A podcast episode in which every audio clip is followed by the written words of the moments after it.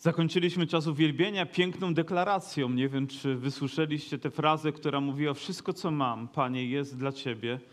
I mam nadzieję, że dzisiejsze nabożeństwo też skończymy piękną deklaracją, która jest inspirowana z Bożego Słowa, z Księgi Jozułego i sam Jozue wypowiada te słowa.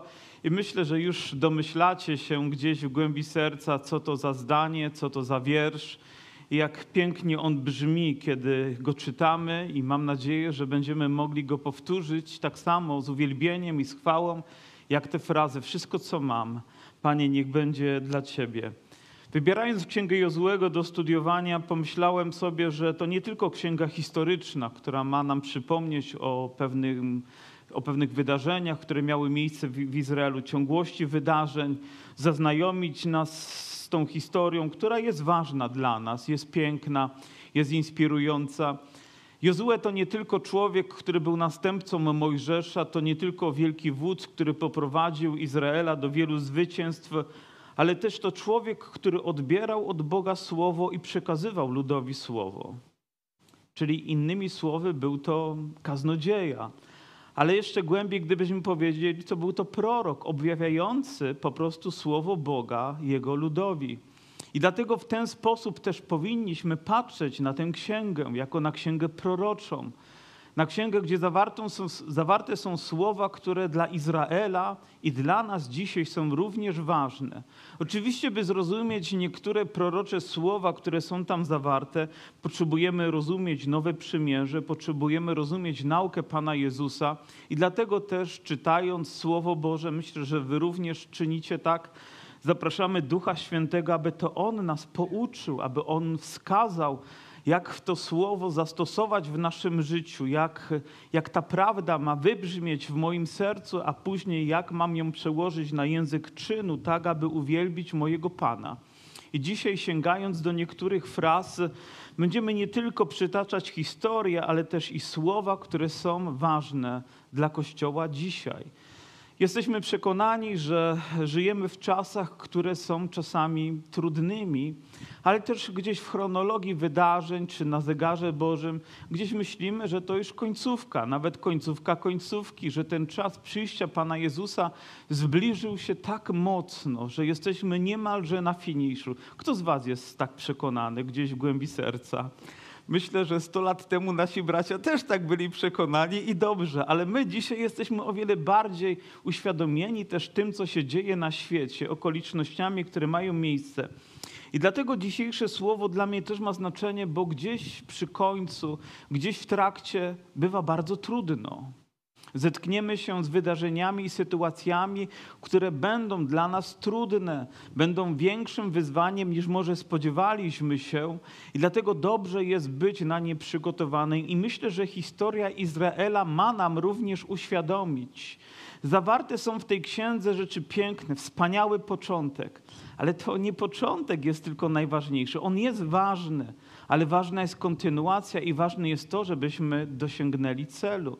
Wiele zborów, wielu ludzi zacnie zatrzymało, ale gdzieś po drodze utknęli, osłabli, ręce im opadły, modlitwy ucichły, Biblia została odłożona na półkę i być może nawet nie ma ich dzisiaj w społeczności ludzi wierzących, więc tym bardziej powinniśmy, rozumiejąc to, dodawać sobie otuchy i zachęty Bożym Słowem, aby trwać w Panu. I też postanowiłem w moim sercu, że nie będę przekazywał Wam tylko te rzeczy, które są nam miłe, ale te, które są potrzebne, te, które są wyzwaniem, te, które stawiają nas nawet do pionu. Czasami może nawet trzeba potrząsnąć nami, żebyśmy obudzili się z jakiegoś letargu, by iść za Jezusem w sposób wytrwały. Rozpocznijmy od wiersza z rozdziału 15. To jest ostatni wiersz tego fragmentu. Wiemy, że na początku weszli z wielkim triumfem do ziemi. Mury Jericha padły. Chyba Księgę Jozłego najbardziej zapamiętamy z tego, że mury Jericha padły. Kto z was nie słyszał o tym? Nie ma tutaj ani jednej osoby. Myślę, że wszyscy o tym słyszeli. Kiedyś ja czytałem gdzieś, jak pewien nauczyciel w szkole, to nie było w naszym kraju, chyba to była jakaś lekcja religii, lekcja historii pyta się dzieci, kto zburzył mury Jericha? No i tam powiedzmy, że John czy Jasiu mówi, ja tego nie zrobiłem. Nie? No i oczywiście nauczyciel, śmiejąc się, poszedł do dyrektora i mówi: Panie dyrektorze, zadałem pytanie, kto zburzył mury Jericha, a Jasiu mówi: Ja tego nie zrobiłem. A dyrektor tak patrzy, mówi: Wiesz mówi, ja znam tę rodzinę, to porządna rodzina na pewno tego nie zrobił, nie? No to dyrektor poszedł do kuratora i mówi, że Jasiu powiedział, że nie zburzył murów Jericha. A kurator mówi, wiesz co, to już tak dawno się stało, że nie jesteśmy w stanie teraz wskazać, kto to zrobił, ale szkody pokryjemy z funduszu szkoły. Mówię, wielu ludzi być może nawet nie rozumie, jak wielkie przesłanie jest w tej księdze, ale ten wiersz mówi o to tak, lecz Jebuzejczyków, mieszkańców mieszkających w Jerozolimie, nie mogli synowie Judy wypędzić Jezubejczycy mieszkają z synami Judy w Jeruzalemie do dnia dzisiejszego. To do dnia dzisiejszego oznaczało pewien, pewien kontekst, pewnie historyczny gdzieś tam, ale myślę sobie, jak ta rzecz, że oni czegoś nie dokonali, co Bóg im nakazał, wpłynęło na historię ich życia, na funkcjonowanie, na to, że jakaś część, jakaś obietnica nie została zdobyta, nie została wzięta, nie mogli z niej skorzystać, nie mogli się nią nacieszyć. Ja mam ziemię, która ma 4040 metrów kwadratowych i dzisiaj sobie uświadomiłem, że korzystam zaledwie z jednej trzeciej tej ziemi, ponieważ nie jestem w stanie sięgnąć tak daleko. Nie mam takiego traktora, żona mi nie kupiła, więc żeby obrobić wszystko i nie mam na tyle nawet wolnego czasu, żeby obrobić wszystko, bo jest tak rzeczywiście długa ta działka. 17 metrów szeroka, ale jak pas lotniskowy praktycznie długa. 4040 metrów. Ile to można by buraków zasadzić? Ale Bóg powiedział narodowi izraelskiemu, że będzie mieć całą tę ziemię i dał granice odtąd dotąd, odtąd dotąd. Ja nie wiem dokładnie, jaką część ziemi oni dzisiaj mają w posiadaniu. Ale jestem przekonany, że to nie jest cała ta ziemia, to po pierwsze. A po drugie, nawet jestem przekonany, że to może być mniej niż połowę tej ziemi, którą Bóg im obiecał dać w całości. Co się wydarzyło po drodze, że nie sięgnęli po ziemię obietnic Bożych, że gdzieś się zatrzymali, nie byli w stanie, osłabli, zabrakło sił, zabrakło wiary. Bóg powiedział: Całą tę ziemię wam daję w posiadanie, a teraz wy wejdźcie i stopę gdziekolwiek postawicie, to ta ziemia będzie należeć do was. A więc należało zrobić kolejny krok, kolejny krok, kolejny krok, kolejne wydarzenie i zdobyć. A teraz spróbujmy przełożyć to na nasze życie. Czy są obietnice, czy są rzeczy, które mogły również i we mnie, w Tobie, w Bożym ludzie, w Kościele Pana Jezusa nie zafunkcjonować, dlatego że zabrakło nam wiary, odwagi, żeby po nie sięgnąć, żeby z nich korzystać, żeby z nimi żyć, że będziemy z tego powodu mogli biadolić, biadolić, albo kolejne pokolenia będą miały z tym samym problem, ponieważ my nie mieliśmy tyle wiary, żeby wziąć wszystkie te obietnice i nimi nasycić nasze życie, po to, by kolejne pokolenia mogły z tego korzystać. Chciałbym, by tak było. Chciałbym, żebyśmy sięgali po wszystko, co Bóg nam obiecuje i robili to z odwagą, z oddaniem i poświęceniem, bo wierzę, że Pan Bóg tak chce.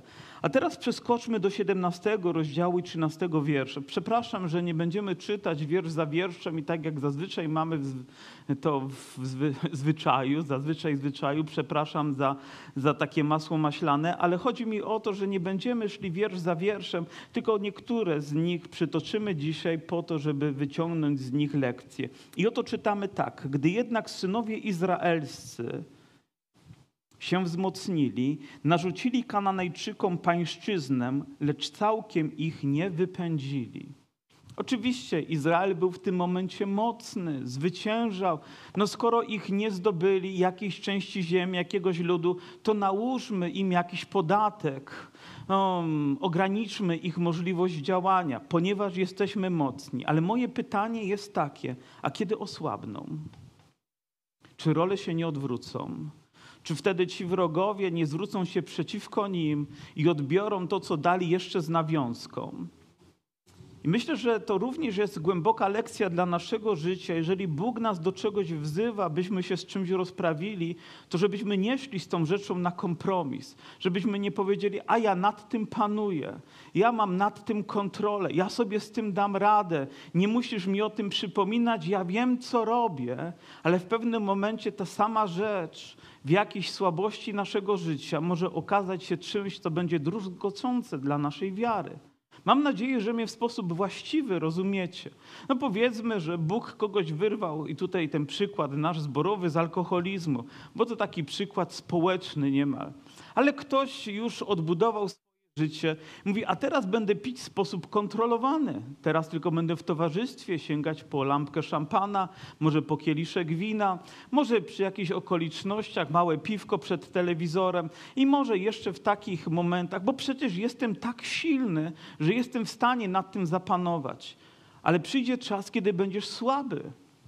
I to, co się rozpoczęło, zacznie panować w tobie zacznie niszczyć Twoje życie, zacznie niszczyć nasze, nasze myśli, nasze serce, nasze emocje, nasze rodziny, naszą wiarę i staniemy się ludźmi, którzy będą mieli poważny problem. Oni w tym momencie byli mocni, ale za chwilę przyjdzie czas, gdy będą słabi i wrogowie zwrócą się przeciwko nim. Pewnie przykłady moglibyśmy mnożyć i odnosić do różnych sfer naszego życia, ale ten przykład jest dla mnie tak jaskrawy, tak wyraźny. Nawet znam historię, gdzie powiedzmy, ktoś w rodzinie zginął z powodu alkoholu, nadużywania alkoholu, alkoholizmu. Ale syn bezkrytycznie, powiem, sięga po alkohol, będąc na przykład człowiekiem wierzącym. Mój bracie, ze względu na to, co wydarzyło się w Twojej rodzinie, powinieneś powiedzieć: idź precz, szatanie. Powiem, nawet kropla się nie pojawi. I nie tylko dlatego, że mówisz, że nie mam problemu, ale dlatego, że nie zgadzasz się z tym, żeby w jakiejkolwiek formie ten alkohol był aplikowany ludziom, który może doprowadzić do tragedii. Mam nadzieję, że mnie rozumiecie, że nasza wiara w tym względzie powinna być bardziej radykalna, bardziej taka namacalna i doświadczalna, byśmy mogli przeciwstawić się złu.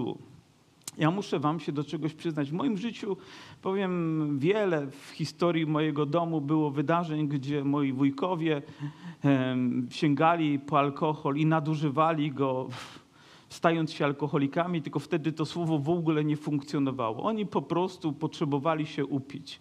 Mój tata, gdy rozpoczynał pić, to nie miał umiaru.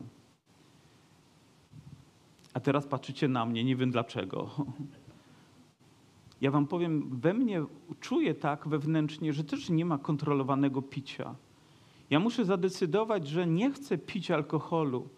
I powiem, i za każdym razem, gdy gdzieś pojawia się na horyzoncie, muszę zdecydować i podjąć wielką walkę, bo wiem, że to może w pewnym momencie zniszczyć moje życie. Ponieważ gdy spróbuję jeden kieliszek, to mam ochotę sięgnąć po drugi. A gdy spróbuję drugi, to miałbym ochotę sięgnąć po trzecią lampkę wina, albo po trzecie piwo, albo po jakąś inną rzecz. I wiedząc, że mam taką słabość, ja powiem, ja nie, nie, pamiętam, żebym się upił, ale rozumiecie, że to niebezpieczeństwo we mnie, we mnie jest. I w związku z tym mam pewnych strażaków w moim domu, którzy pilnują, żeby tak nie było, ale wiem o tym i zdaję sobie z tego sprawę. Ja wiem, że gdybym zapalił jednego papierosa, to nie byłoby tak, że zapalę sobie jednego i tą paczkę odłożę, ale sięgnąłbym za chwilę po drugiego, po trzeciego i po czwartego. Ja wiem, że gdybym raz sięgnął po pornografię, to nie skończyłoby się tylko na tym jednym filmie, ale sięgnąłem kolejny po kolejny film, ponieważ znam siebie i wiem, że jestem słabym człowiekiem i dlatego zdaję sobie sprawę, z jakim niebezpieczeństwem się zmagam i w związku z tym, jak radykalnym muszę podjąć środki, powiedzieć nie, nie będzie tego w ziemi Bożych obietnic, nie będzie tego w moim sercu, nie będzie tego w moim umyśle, nie będzie nawet tego w zasięgu mojej ręki, ponieważ nie pozwolę na to, żeby to przejęło kontrolę nad moim życiem, bo przyjdzie taki czas, kiedy będę tak słaby, ktoś w zborze nazdepnie mi na odcisk, usłyszę, że ktoś o mnie coś złego powiedział, z żoną będę miał ciche dni, z dziećmi nie pójdzie mi najlepiej, pieniędzy mi zabraknie, zdrowie podupadnie i wiem, że znajdę się w niebezpieczeństwie, a takie rzeczy po prostu się pojawiają. Dlatego bądź stanowczy. Niech Twoje tak będzie tak dla Boga, Twoje nie dla grzechu niech będzie nie, bardziej zdecydowane. Wykrzycz to z głębi swojego serca i powiedz: Nie chcę mieć z tym nic wspólnego. Aleluja. I wierzę, że wtedy będziesz wolnym człowiekiem. Nie będziesz musiał się zmagać, nie będziesz musiał spijać tego konsekwencji i wiele innych złych rzeczy nie pojawi się w Twoim życiu ze względu na taką transparentność Twojej wiary. Być może dzisiaj już skutki tego spijasz. Być może jesteś w miejscu, w którym nie myślałeś, nie myślałeś, że będziesz jako człowiek wierzący. Dlaczego? Bo utknęliśmy. Dlatego, że gdzieś nasze koła zabuzowały, a teraz trudno nam z tego miejsca wyjść. Ale wiemy, że jest Duch Święty, który ma nasz moc z tego wyprowadzić. Ale dalej jadąc, nie pozwól na to, żeby cokolwiek przyjęło kontrolę nad Twoim życiem. A teraz piękny wiersz, Księga Jozułego, rozdział 18, wiersz drugi, mówi tak. Pozostało jednak wśród synów izraelskich siedem plemion, których ich dziedzictwo jeszcze nie przydzielono. Jozue rzekł więc do synów izraelskich, o tym mówi kolejny wiersz, dokąd będziecie zwlekać z tym, by pójść i objąć w posiadanie ziemię, którą dał wam Pan, Bóg ojców waszych. Czy to nie piękne? Dokąd będzie zwlekać? Jak długo będziesz czekać, aby postawić ten krok wiary? Tak, ta ziemia, tak, ta obietnica, tak, to słowo nie było tylko do Piotra, nie było tylko do Jana, nie było tylko do tych ludzi tam w Samarii, ale jest również dla ciebie, jest również dla mnie, jest również dla Kościoła dzisiaj. Czy to nie piękne? Że Bóg przygotował nam tak wiele, a my możemy tak niewiele z tego tylko czasami wziąć, bo brak nam wiary, żeby wyciągnąć rękę, żeby sięgnąć po to. I z pewnością znacie wiele historii, gdzie ludzie biedowali, a żyli na przykład na złożu ropy, albo gdzieś na jakimś bogactwie złota, albo innych. Wystarczyło sięgnąć i już mogli z tego korzystać. Jesteś bogatszy niż myślisz. W Jezusie w tym, czego On dokonał dla ciebie. Jesteś bogatszy niż myślisz, w obietnice, które ci zostawił. Wystarczy, że będziesz nimi się modlił, że będziesz się wzywać w swoim sercu, że będziesz nimi żyć, a zobaczysz, jak zmieni się postawa twojego serca, jak myśli się zmienią. Ten koszmar zniknie, a łaska za łaską będą spływać do twojego serca. Jak długo będziesz zwlekać? Może dzisiaj jest ten czas, może to jest właśnie ta chwila, że powiesz: Nie, nie będę więcej biedować jako człowiek wierzący. I nie mówię o dobrach materialnych, ale mówię o Twojej wierze, która powinna być największym Twoim bogactwem, bo w nim jesteś bogaty, bo w nim masz wszelkie błogosławieństwo nieba, które Bóg zaoferował swojemu Kościołowi. I o tym czytamy w listach, że nie dał nam tylko trochę, ale dał nam całą swoją łaskę, dał nam całe swoje bogactwo po to, żeby Kościół nie żył w biedzie. Po to, żeby nasza wiara była silna i mocna. Więc dlaczego mają zwlekać? Mogą marzyć o tym, mogą mówić o tym, mogą pieśni o tym pisać, a Bóg mówi po prostu wejdźcie, zdobądźcie, weźcie w posiadanie i cieszcie się tą ziemią. Więc wystarczy tak niewielki krok dla ciebie, a tak wielka chwała zacznie mu towarzyszyć, gdy będziesz miał odwagę to zrobić.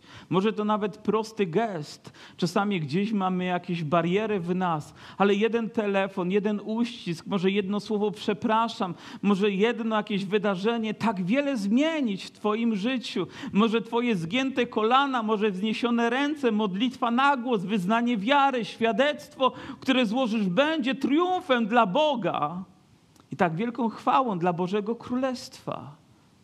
Tylko po prostu się zdecyduj, że nie będziesz więcej czekać. Jak długo będziecie czekać? Mówi w końcu wejdźcie, posiądźcie, zdobądźcie to, co Bóg dla was przygotował.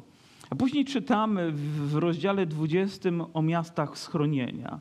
To dla mnie jest fascynujące, że Bóg wprowadza swoje ludy do ziemi obiecanej, opływającej w mleko i miód które która jest tak bogata, tak żyzna, może rodzić nawet nie tylko raz w roku, ale dwa razy w roku, a może nawet trzy razy w roku owoce.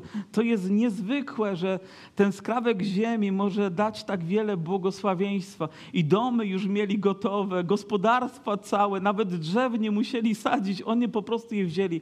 Ale Bóg przewidział, że będą problemy. Dlaczego? Bo potrzebowali miast schronienia. Prawda, że tak? No kto potrzebuje miasta schronienia? Ktoś, kto potrzebuje się schronić przed kimś. A więc to było miasto, te miasta schronienia miały swój cel. Jeżeli ktoś, i o tym czytamy, e, dokonał zabójstwa, to taki zabójca mógł przybyć do tego miasta, spotkać się ze starszymi, e, porozmawiać z nimi, żeby udzielili mu schronienia, żeby mściciel krwi go nie dopadł, czyli ktoś z rodziny tego poszkodowanego, a w zasadzie zamordowanego, e, przepraszam, zabitego, żeby nie dopadł go i nie, nie odebrał mu również życia. Bo słowo mówi o oko za oko, ząb za ząb, życie za, za życie. A więc wygląda na to, że są problemy. Również one powstały w narodzie izraelskim. Ale kto mógł się tam schronić? Zabójca, ale nie morderca. Powiem, co innego jest, gdy ktoś zginie po prostu w sposób przypadkowy. Wyobraźcie sobie, rąbiecie drzewo siekierą i nagle trzonek się łamie, siekiera gdzieś ląduje w tył, z tyłu i akurat wbija się w czoło waszego sąsiada. No, nie planowaliśmy tego, ale wydarzyła się tragedia. Jedziecie samochodem i, i, i, nagle, nie wiem, znak, drzewo się przewraca, odbijacie w prawo, no i wjeżdżacie w kogoś i niechcący po prostu na naszych oczach dzieje się jakaś tragedia. Takie rzeczy po prostu się dzieją, mają miejsce. Ale czy to znaczy, że jesteśmy mordercami? Nie. Pozbawiliśmy kogoś życia, ale zrobiliśmy to w sposób nieświadomy, zgadza się. I ktoś taki mógł znaleźć tam miejsce, ale starsi najpierw musieli z nim porozmawiać, jak to się stało ponieważ nie chcieli wpuścić mordercę, a jedynie kogoś, kto uczynił coś złego, ale jest pełen smutku, jest pełen bólu z tego powodu, może nawet sam nie może sobie z tym poradzić i potrzebuje ochrony. A teraz myślicie sobie, a jak ty z tego wybrniesz w stosunku do Kościoła? Przecież Kościół jest dla wszystkich ludzi. Przecież każdy może dzisiaj tutaj przyjść i czy to oznacza, że stanie się to miastem schronienia dla ciebie? Czy możemy to odnieść do tego, że teraz no, Pan Jezus jest schronieniem dla wszystkich? O pytanie, czy Pan Jezus jest schronieniem dla morderców? Hmm. Ja wiem, że stąpam po cienkim lodzie. Za chwileczkę może się zapaść i może być trudno, ale pozwólcie, że, że, że, powiem w ten sposób. Rzeczywiście każdy może przyjść do Jezusa. Nawet największy morderca może przyjść do Niego, może paść do, na kolana, może prosić o przebaczenie i wierzę, że Pan mu udzieli. Ale to nie znaczy, że nie poniesie konsekwencji związane z tym, że dokonał mordu. To nie znaczy, że nie musi zgłosić się do sądu, przyznać do winy z podniesioną głową, przeprosić i wziąć konsekwencje, które są z tym związane. To wcale nie oznacza, że my w tym sposób jakby jesteśmy mm, no, bezkarni w związku ze złem. Nie wiem, okradliśmy, a teraz będziemy to ukrywać. Nie może jako ludzie wierzący powinniśmy mieć więcej odwagi, żeby stanąć i się z tym zmierzyć. Wiecie o czym myślę?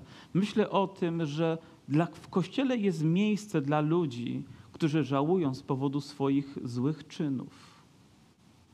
Którzy pokutują z powodu swoich złych czynów którzy odwracają się od swoich grzechów, uważam, że jest miejsce. Ale nie powinniśmy tolerować ludzi, którzy chcą być częścią Bożą Królestwa i świadomie żyć w grzechu.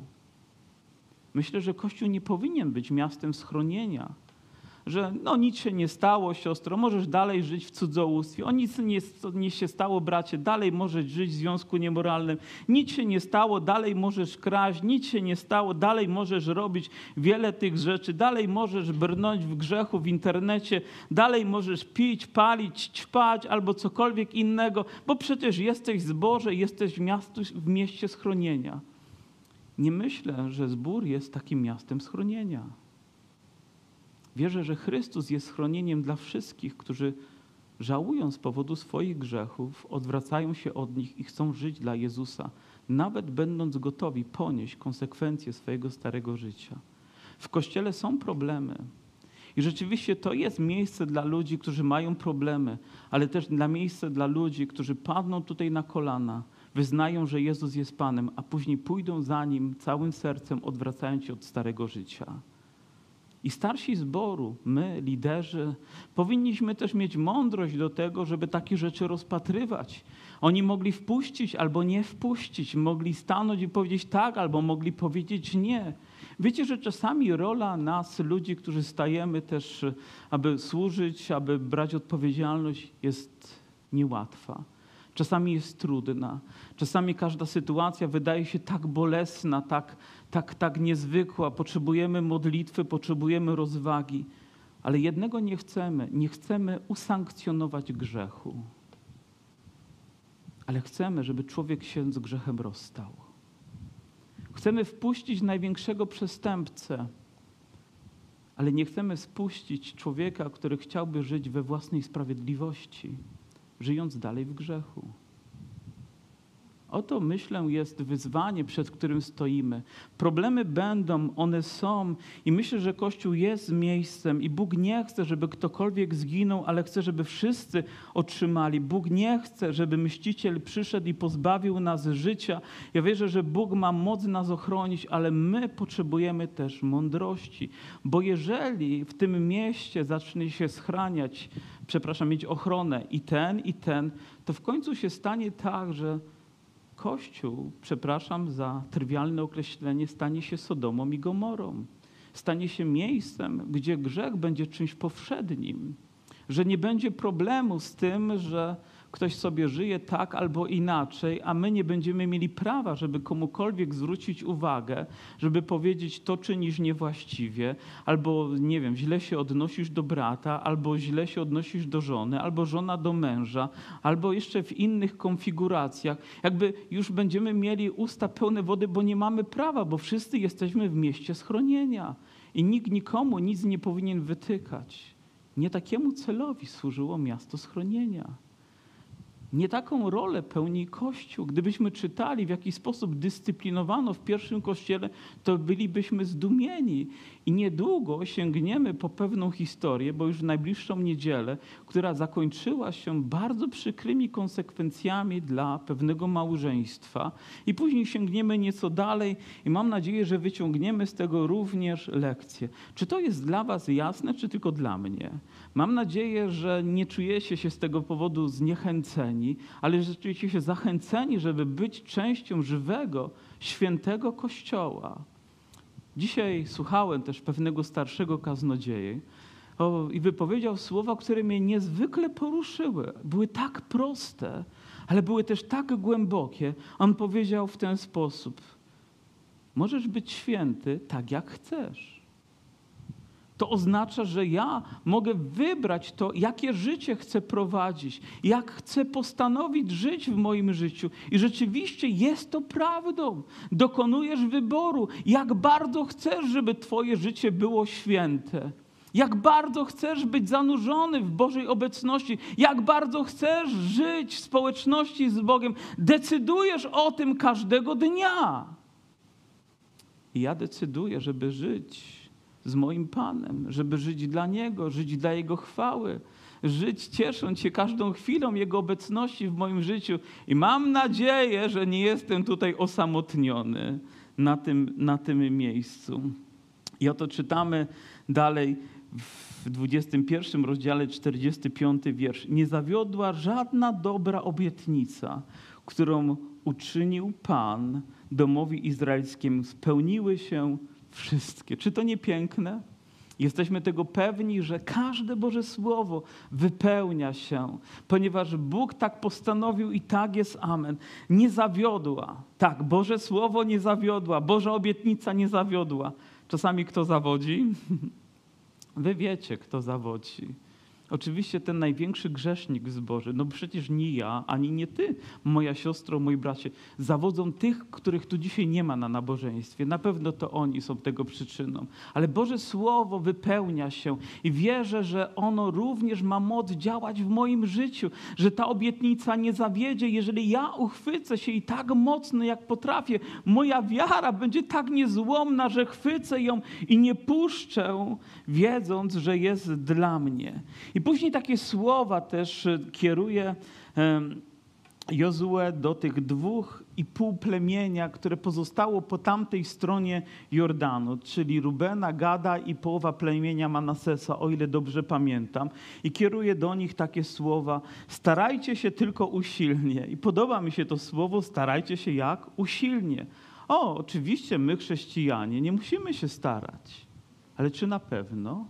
Czy nasza wiara też nie jest zwana do tego, żeby być usilną, żeby być wytrwałą, żeby być wierną? Jeżeli czytacie tę samą Biblię co ja, macie ten sam dobry przekład co ja, choć może nawet nieco inny, to również odnajdziecie tam słowa, które wzywają nas do tego, jak powinniśmy żyć, aby wypełnić przykazanie i prawo, jakie nadał wam Mojżesz, sługa Pana, abyście miłowali Pana Boga waszego i chodzili wytrwale Jego drogami, abyście przestrzegali przestrzegali Jego przykazań i lgnęli do Niego i służyli Mu z całego serca swego i z całej duszy swojej i wydaje się, nic do tego nie można już dodać. On mówi, po prostu lgnijcie do Boga.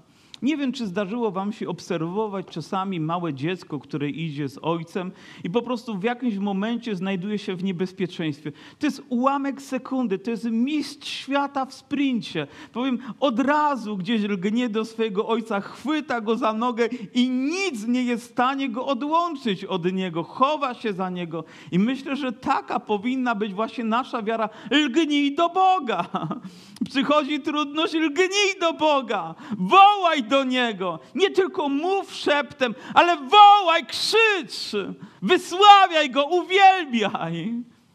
Po prostu jest to tak, że masz się przystać i powiedzieć, Boże, ani na milimetr od Ciebie nie chcę odstąpić, bo Ty jedynie jesteś gwarancją, że mogę pójść dalej. Ale gdyby oni o tym zapomnieli, te dwa i pół plemiona, które gdzieś tam znalazły się daleko, ta rzeka była też taką naturalną granicą oddzielającą te pozostałe plemiona od nich. Wiecie, czas sprawia, że, że gdzieś ta granica, która była trudna do przekraczania, bo to rzeka, rzeka szeroka, głęboka w tym momencie, do, do sforsowania, więc oni tam sobie żyli, a ci żyli sobie. Namiot był po tej stronie, ani po tamtej stronie. Mieli obowiązek przyjść przynajmniej raz w roku, żeby złożyć stosowne ofiary, ale może wpadniemy na pomysł i coś tam zrobimy po naszej stronie. Będziemy sobie jakoś tam dawali radę. I to może być niebezpieczeństwo. Gdy czytamy Nowy Testament i Pana Jezusa, który przybył do tamtych plemion, a przynajmniej do jednego z nich, spotkał tam człowieka opętanego, który miał legion demonów, i też gdy wygonił ten legion demonów, to one weszły w świnie i było ich tam, pamiętacie ile? Dwa tysiące weszły w te świnie, te świnie ruszyły z urwiska. Powiedzcie mi, co świnie robiły pośród narodu izraelskiego?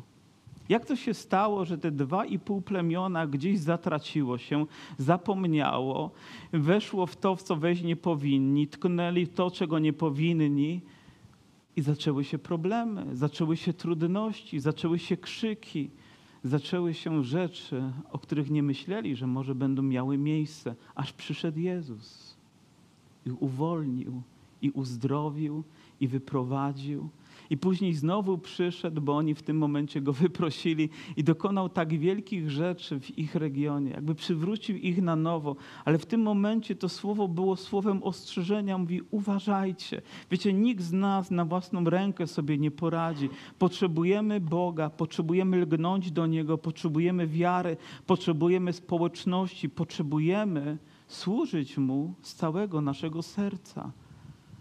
Nie tylko, znaczy, to nie tylko jest kwestia emocjonalna, ale kwestia zaangażowania naszego życia, że ta usilna wiara wyraża się w też usilnej służbie, która wymaga też wielkiego poświęcenia, a może nawet wyrzeczenia, ale do tego naród izraelski był wzywany i wierzę, że Kościół również.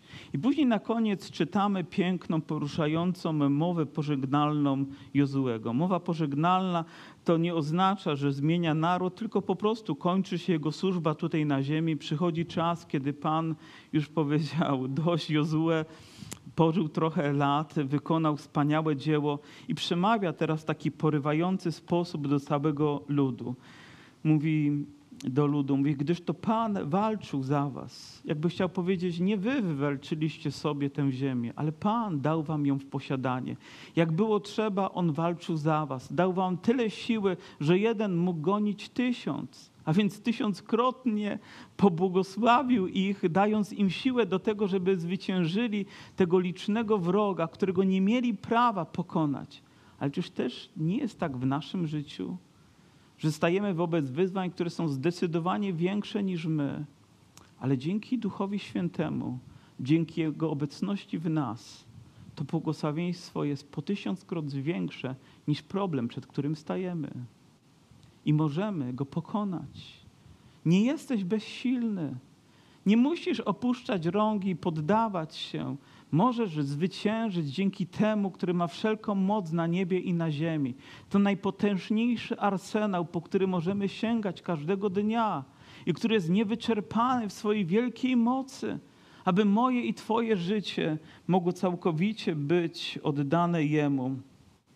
I oto um, czytamy później w wierszu 14, 23 rozdziału. Oto ja idę dziś drogą całej ziemi. Poznajcie tedy całym swoim sercem i całą swoją duszą, że nie zawiodła żadna z tych wszystkich dobrych obietnic, jakie dał wam Pan, Bóg wasz. Wszystkie się wam spełniły i nie zawiodło z nich żadne słowo.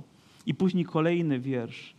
A jak wypełniło się wam każde dobre słowo, jakie wypowiedział do was Pan Bóg wasz, tak wypełni Pan nad wami każde złe słowo, aż was wygubi z tej dobrej ziemi, którą dał wam Pan Bóg wasz. Zarówno dobre słowo obietnicy działa z wielką mocą, jak i to słowo ostrzeżenia, które Bóg kieruje, gdy my nie pójdziemy za Nim całym sercem. Oczywiście, że jedno przyjmujemy, wywieszamy na ścianach. I być może nawet tutaj wielu z Was myślało, dlaczego nie mamy jakiegoś wiersza. Może po jednej stronie powinniśmy napisać wiersz obietnicy, a po drugiej wiersz ostrzeżenia, aby żyć w równowadze aby wiedzieć, że zarówno jedno, jak i drugie słowo Bóg ma moc wypełnić. Oczywiście teraz myślicie, no dobrze, a jakie takie słowo jest trudne? Bóg kieruje słowo do kościoła w Laodycei mówi: Dlatego żeś letni, ani zimny, ani gorący, to ja cię, to ja cię wypluję. Albo jeżeli się nie upamiętasz, to ruszę świecznik. Jeżeli nie wytrwasz do końca, nie będziesz zwycięzcą. Czyż nie są to słowa ostrzeżenia? Czyż nie bywa tak, że znikają zbory, znikają społeczności? Czyż nie jest tak, że dzisiaj kościoły, które płonęły, dzisiaj płoną, ale nie wiem, trunkami, które, ponieważ zamieniły się na restauracje, albo jakiś inny sposób? Co się stało z tymi kościołami, które były pełne ducha, a dzisiaj Po prostu ich nie ma. Oto przykre słowa, ale ważne słowa dla nas. I wiecie, nie obawiam się tych słów, dopóki żyję z Bogiem, dopóki żyję według Jego też łaski i z Jego łaską każdego dnia, dopóki wiem, że On jest razem ze mną. On powiedział: Ja Cię nie opuszczę, oczywiście nie zostawię, ale też powiedział, że ja mam być przy Nim, że ja mam trwać, że On nie uwiąże mnie na siłę, ja mam kroczyć razem za Nim. Chrześcijaństwo nie jest obligatoryjne, ono jest decyzją naszego życia. Przymierze, w którym żyjemy, nie jest przymierzem, które obejmuje wszystkich, ale ludzi, którzy świadomie dokonują każdego dnia wyboru, aby żyć z Jezusem. On oczywiście nas zbawił, ale każdego dnia nas też zbawia i wybawia od naszych słabości, a więc tak ważną jest rzeczą, abym ja i ty, abyśmy żyli dzisiaj razem z naszym Panem. Jednym z ostrzeżeń, jakie Bóg daje też swojemu ludowi w tym momencie, to po pierwsze, żeby nie bratali się z tymi ludźmi, żeby nie zawiązywali małżeństw razem z nimi. Dlaczego? Bo wie, jakie to będzie druzgocące dla nich. Ale czy dzisiaj jest inaczej? Czyż Bóg nie mówi nam, żebyśmy nie bratali się z tym światem? Nie chodzi o to, że nie żyjemy, nie funkcjonujemy, nie mamy tam przyjaciół. Oczywiście, że mamy, ale chodzi o to, żebyśmy nie żyli standardami tego świata. Chodzi o to, żeby dziewczyny nie brały sobie niewierzących mężów, albo też wierzący mężowie nie brali sobie niewierzących żon, bo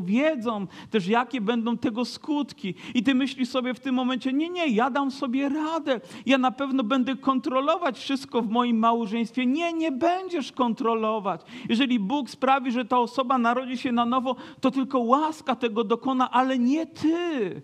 Ty masz podjąć decyzje, które są związane z tym, do czego jesteś powołany, bo później będziesz się użalał. A jeżeli masz się użalać, to użalaj się tylko na grzechy swoje, na złe decyzje, które podjąłeś, ale nie dlatego, że Boże Słowo nie działa, bo ono działa właśnie w Twoim życiu. Wypełnia się to, co Ty sam postanowiłeś. Więc musimy być bardzo uważni. Inną rzeczą mówi, uważajcie, żebyście nie przyjęli ich bóstw. One jakby czekają, żeby gdzieś wbić się w nasze umysły, żeby ich religia stała się naszą religią, żeby to związało nasze życie. Wiecie, gdybyśmy dzisiaj byli szczerzy, ile pogaństwa możemy odnaleźć w kulturze chrześcijańskiej, ile zwyczajów, które nie mają nic wspólnego z Bożym Słowem, a ludzie przyjmują to lepiej niż Boże Słowo. Dlaczego? Bo tak odeszliśmy, bo przyjęliśmy zwyczaje, bo weszliśmy w układ, w kompromis, żeby tylko nikomu się krzywda nie stała, żadne sumienie nie było poruszone. I dlatego dzisiaj spijamy też i konsekwencje tego w niestety w taki bolesny sposób. Po prostu Kościół, tak jak klasyk kiedy śpiewał, powinien być kościołem, choć używał innych słów. Kościół powinien być kościołem. I widzę, że mój czas się kończy, nie, nie tutaj na ziemi oczywiście, mam nadzieję, ale kończy się, gdy chodzi o zwiastowanie. A im starszym jestem, to tym łatwiej mi zamienić zegarek na kalendarz. Ale chciałbym jeszcze zakończyć tym, co też powiedział Jozue jako takie wezwanie dla narodu izraelskiego. Mówi, a jeśli by się wam wydawało, że źle jest służyć Panu. Nie wiem, czy potrzebowałby te słowa wypowiadać, gdyby może czegoś nie słyszał albo nie był czegoś świadomy.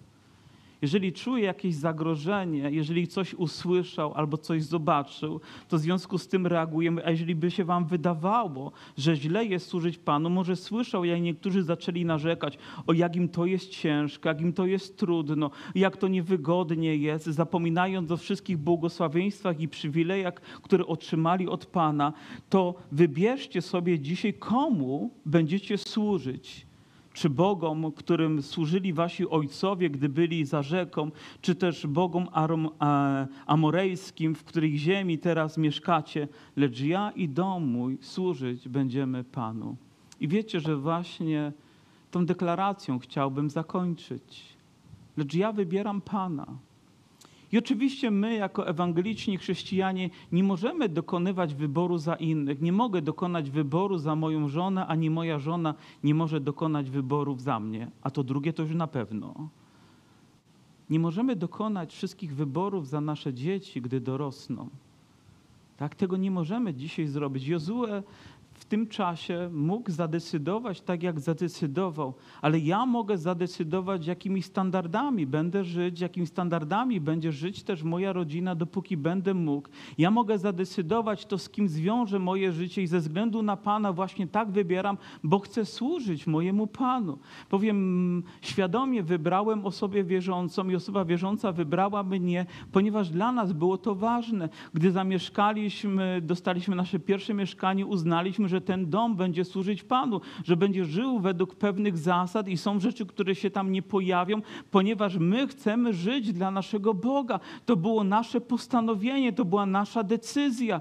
Oczywiście czas płynie. Ja nie mam wpływu na to, czy moja córka się narodzi, o ile tylko oczywiście um, mogę jej zwiastować Ewangelię, to mam nadzieję, modlę się o nią, mam nadzieję, ale ona musi dokonać wyboru, ale ja wybieram, że będę żył zgodnie z tym, jakiego mam Pana, że będę żył Jego słowem, że będę żył Jego łaską, że będę żył Jego mocą, że będę żył Jego autorytetem, że będę podejmował decyzje, które być może spowodują, że dzieci będą tupać nogami, że będą krzyczeć, będą niezadowolone, ale ja będę tak żyć. Ja będę żyć, ponieważ chcę, żeby moje życie należało do Niego, ponieważ chcę, żeby mój dom należał do Niego. Ja chcę tak żyć, żeby powiedzieć, że ja i mój Kościół żyjemy dla Boga, że żyjemy Bożymi standardami, że wybieramy to dzisiaj, że decydujemy. I to nie jest błaha decyzja, to jest ważna decyzja. To jest decyzja przed niebem, to jest decyzja przed ludźmi, to jest decyzja mojego serca,